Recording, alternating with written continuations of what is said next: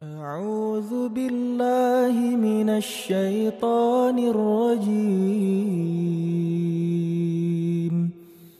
بسم الله الرحمن الرحيم Ini juga penting teman-teman.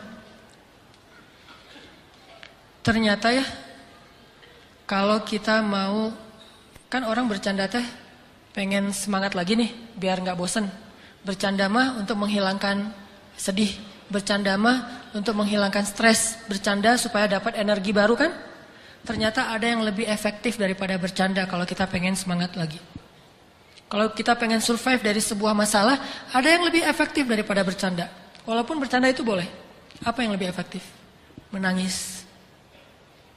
Menangis itu, menitikan air mata itu lebih powerful daripada tertawa. Cuman kita sering memilih tertawa daripada menangis. Sama kayak orang lebih senang minum kopi walaupun minum kopi itu boleh daripada minum air putih. Padahal lebih menyehatkan minum air putih. Cuma kan nggak ada sensasinya.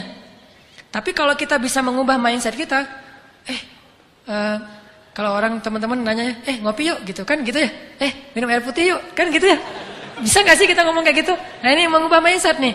Eh kalian lagi ngapain? Lagi minum air putih. Pasti dibilang ah nggak seru ah. Kalau kalian lagi ngapain? Lagi ngopi. Di mana? Di kafe. Lagi ngapain? Lagi minum air putih di mana? Di beer house. Di beer house minum air putih. Kan ini kan keren nih, minumnya air air putih. Di beer house minum air putih, di kafe minum air putih. Kalau kalau yang masih beer house ya, tapi kalau bisa nggak usah. Terus di tempat apa di mana pun lagi, aduh uh, hari ini belum minum air putih gitu. Bukan hari ini belum ngeteh, belum ngopi. Pagi-pagi dihidangin kopi sama istri kita. Mah, papa mah sekarang udah nggak minum kopi. Papa mah malamnya menangis, siangnya minum air putih kan gitu ya. Wah itu keren tuh. Malamnya nangis, siangnya minum air putih. Berarti papa udah nggak bercanda dong. Enggak mah nangis gitu. Jadi air mah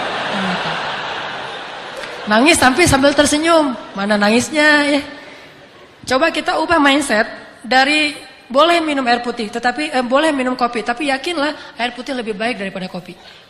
Makanya Nabi mengatakan air itu tohurun, air itu bersih dan membersihkan. Air itu bersih dan membersihkan dan memang secara medis, secara kedokteran, secara biologi juga air putih paling baik untuk tubuh kita. Sangat menggantikan energi tubuh kita. Tapi kalau kopi sensasi itu, walaupun tetap baik kalau nggak banyak gulanya. Yang masalahnya kalau kebanyakan gula. Jadi gula yang dikopiin, bukan kopi yang digula, digulain saking manisnya. Nah, e, bercanda dengan menangis juga ibaratnya sama. Boleh bercanda, tapi porsinya cuma seperti minum kopi. Jangan minum kopi aja, habis makan ngopi. Sebelum makan ngopi, mau jalan ngopi, ngopi aja sehari sampai 2 liter. Ada nggak sih orang yang ngopi 2 liter dan sehat nggak sih? Ngopi kalau segelas, secangkir masih sehat nih. Apalagi kalau kopinya kopi bener, bukan kopi yang apa uh, uh, gitu kopi yang asli gitu ya kopi yang benar asli disimpan selama 100 tahun misalnya itu kan sehat tuh udah gitu uh, apa uh, baristanya keren lagi secangkir dua cangkir dalam sehari masih wajar bayangin kalau ngopi sehari 2 liter kan nggak sehat kan sedangkan minum air putih minimal berapa liter sih 8 gelas Gelas yang mana dulu nih? Bebas aja ya.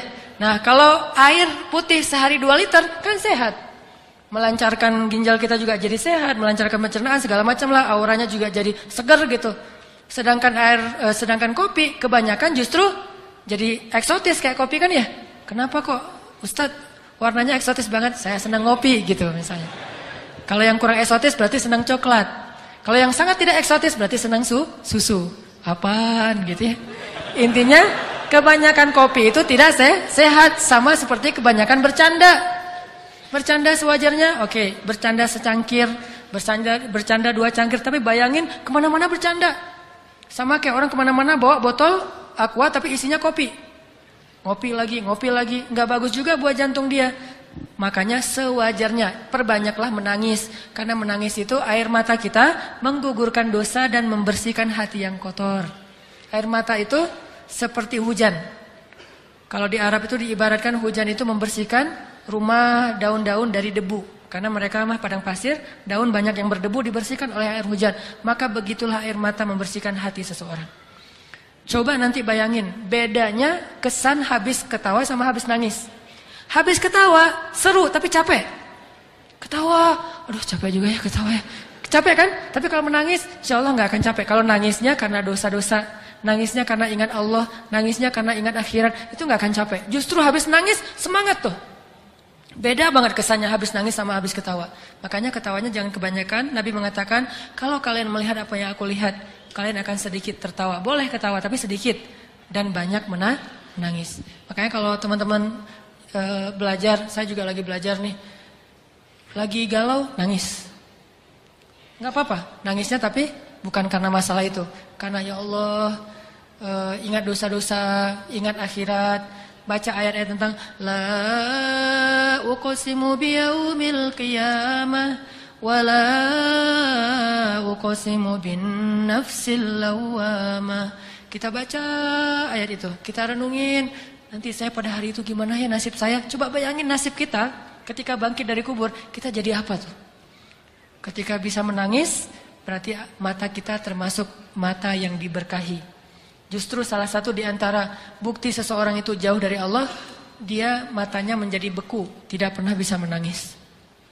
Dan setelah menangis, pasti kesannya berbeda ketimbang setelah keta ketawa. Makanya kalau disuruh milih, banyakkan mana? Banyakkan nangis deh. Tapi kenyataannya kita dalam sehari lebih banyak tertawa, hampir tidak pernah menangis. Tunggu nangis kalau udah banyak masalah banget baru nangis. Dan kita waktu itu akan ngelihat ketika kita banyak menangis, kita doanya lebih khusyuk, sholatnya lebih khusyuk, ngajinya lebih banyak kan ya, energinya nambah kalau kita nangis, kayak dicas gitu. Sedangkan kalau ketawa jadi males. Sampai Nabi mengatakan kebanyakan ketawa itu bisa mematikan rasa di hati kita, gak bisa lagi mendengar kebaikan. Orang kalau udah ketawa terus dinasehatin pasti dia nolak, bantah tuh. Makanya jangan kebanyakan ketawa. Boleh, tapi jangan kebanyakan. Itulah teman-teman fikih e, ketawa. Bagaimana kita e, menjadikan ketawa kita berpahala, menjadikan ketawa kita itu hadiah buat teman kita, menjadikan ketawa itu ketawa kita itu ikut sunnah, menjadikan ketawa kita itu benar-benar penyegaran tetapi tidak berlebihan dan hindari ketawa-ketawa yang syubhat, dusta, ketawa yang jahil, ketawanya nyeleneh, hindari itu dan jangan juga terlalu banyak sehingga kita tetap bisa uh, menangis di malam hari. Jadi kalau kita udah ketawa, tiba-tiba disuruh nangis agak susah. Saya kurang bisa ya mem langsung membolak membalikan kondisi dari habis ketawa nangis susah. Kecuali ketawa, nangis kenapa ketawa kok nangis? Mati lampu. Lagi film, lagi bola gitu seru, tiba-tiba mati lampu kan nangis ya.